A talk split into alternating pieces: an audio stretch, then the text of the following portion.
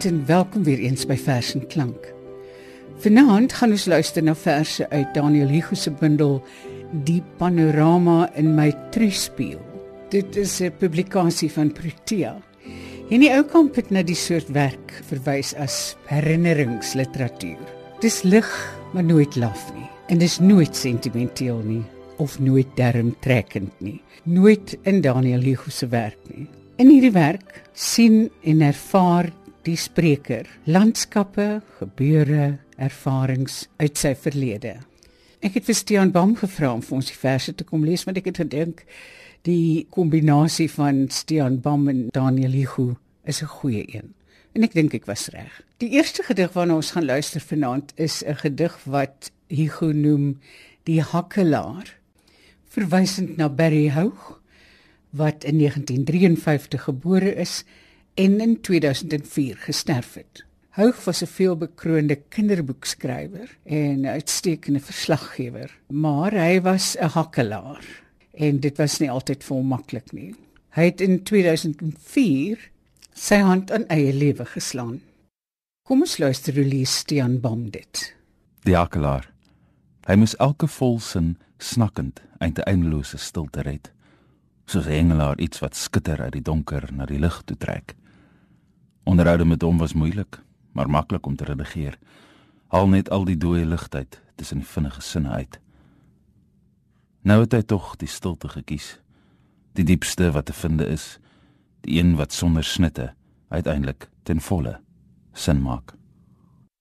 Dit was Stian Bom se voorlesing van Daniel Hugo se vers Die Hakkelaar. Een van die Hugo se verse wat vir my besonder baie beteken, is 'n vers met die titel Loflied op die letterkunde. Met die eerste deurleesslag kan 'n mens maklik die slotreël onderskat of mis of mislees. Maar dit is 'n angswekkende slotreël want in Suid-Afrika veral waar ons baie klein leserspubliek het en verskillende tale het nog, is een van die grootste vyande van die letterkunde en die skrywers die verpulpingsfabriek. Loflied op die letterkunde. Ek het die Afrikaanse letterkunde lief. Elke letter het ek lief. Die kleinste setfout, die slap anglisismes, die anakronismes, elke taalfout en die blaatantste plagiaat. Ek het die dom skrywers lief, die lui redakteurs, die gesette uitgewers, die skraal kritici en die analfabetiese boekhandelaars. Die totale banale bedryf het ek lief. Maar bovenal het ek die verpulpers lief. Van boeke maak hulle bruikbare bokse waarin jy die hele letterkunde kan pak. Versnel versending na die naaste pulpfabriek. Stian Bam het vir ons Daniel Hugo se vers Loflied op die letterkunde gelees. In die volgende vers kom Daniel Hugo se wonderlike humorsin sterk na vore. Vernoeming. Ek is vandag deur die see gedoop waar ek op die esplanade loop met die son in my gesig. Vanuit die kabbelende watervlak het 'n brander opgelig en my besprinkel in die blink naam van die almagtige oseaan. Terwyl ek na asem snak, prewel die water. Poseidon. Poseidon. Hierdie vers het Hugo in Augustus 2003 gedig terwyl hy by die SAIK gewerk het en smiddag of soggens langs die see gaan stap het. Daniel Hugo is 'n baie gedissiplineerde digter en hou van korter gedigte. In die proses is hy ook baie lief vir die haiku. En in hierdie bundel, die panorama in my truspieël, is daar 'n hele paar haikus.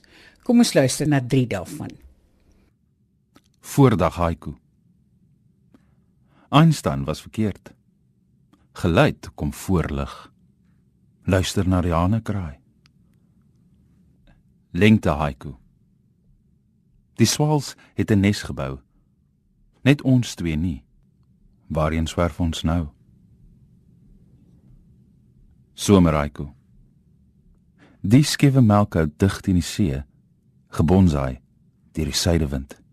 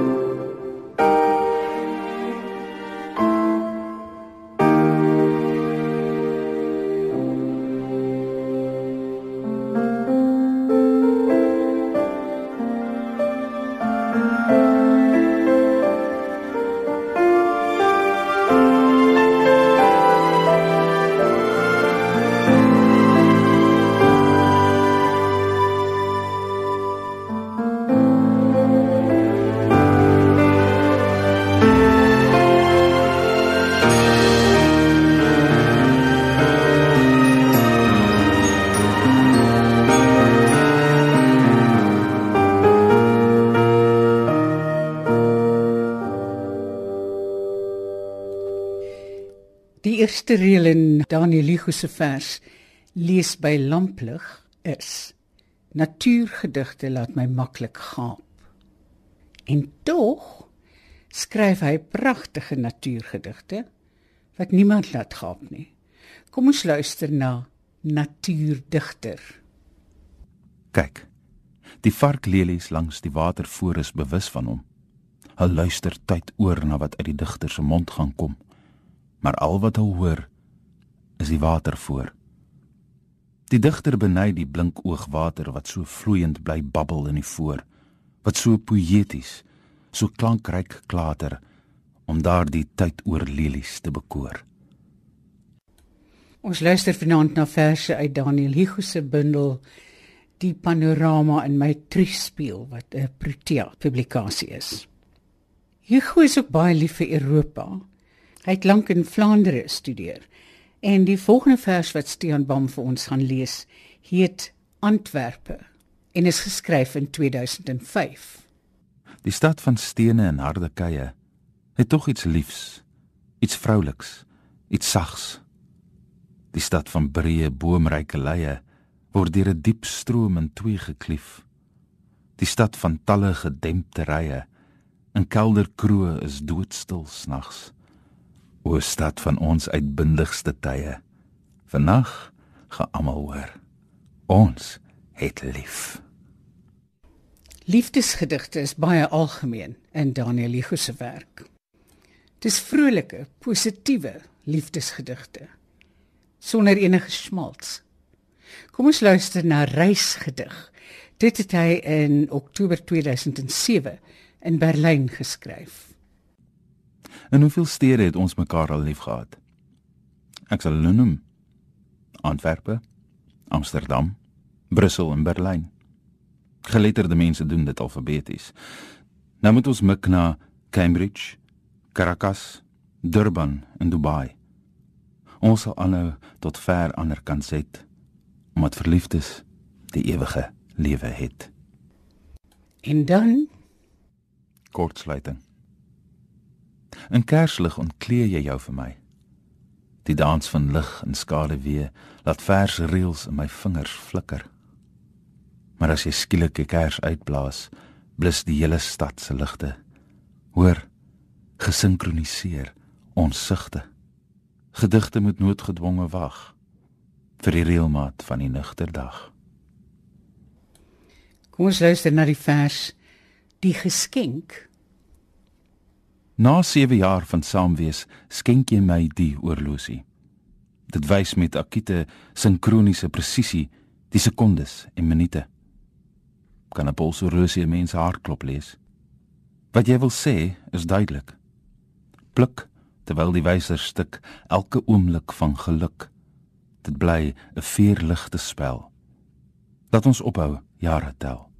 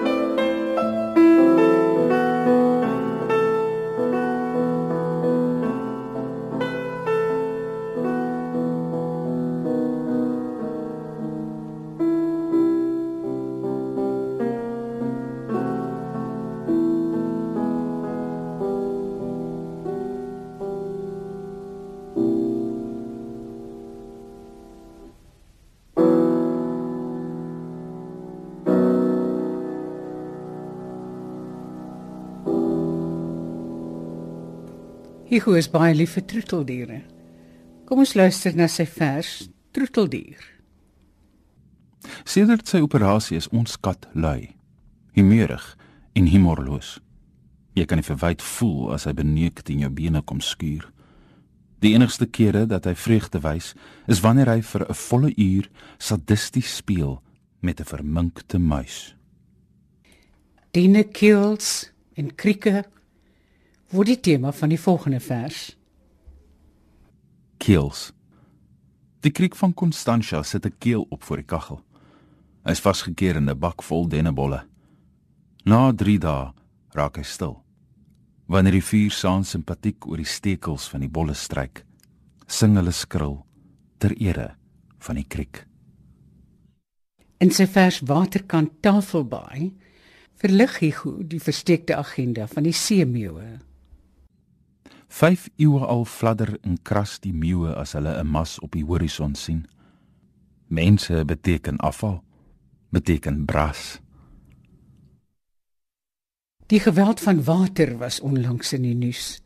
In die volgende vers kyk Hugo na die geweld van vuur. Bergbrand. Boland. Die hele nag reik ons rook en ons proe die roet. Die bose suidoos bly stook waar die vlamme woed. Wat is hierdie reuk? Verbrande fynbosblare. Wat is hierdie smaak? Verskroeide pelsdierhare. Die muis in die muisondbos is aan die glim in die berg se blakerende krematorium.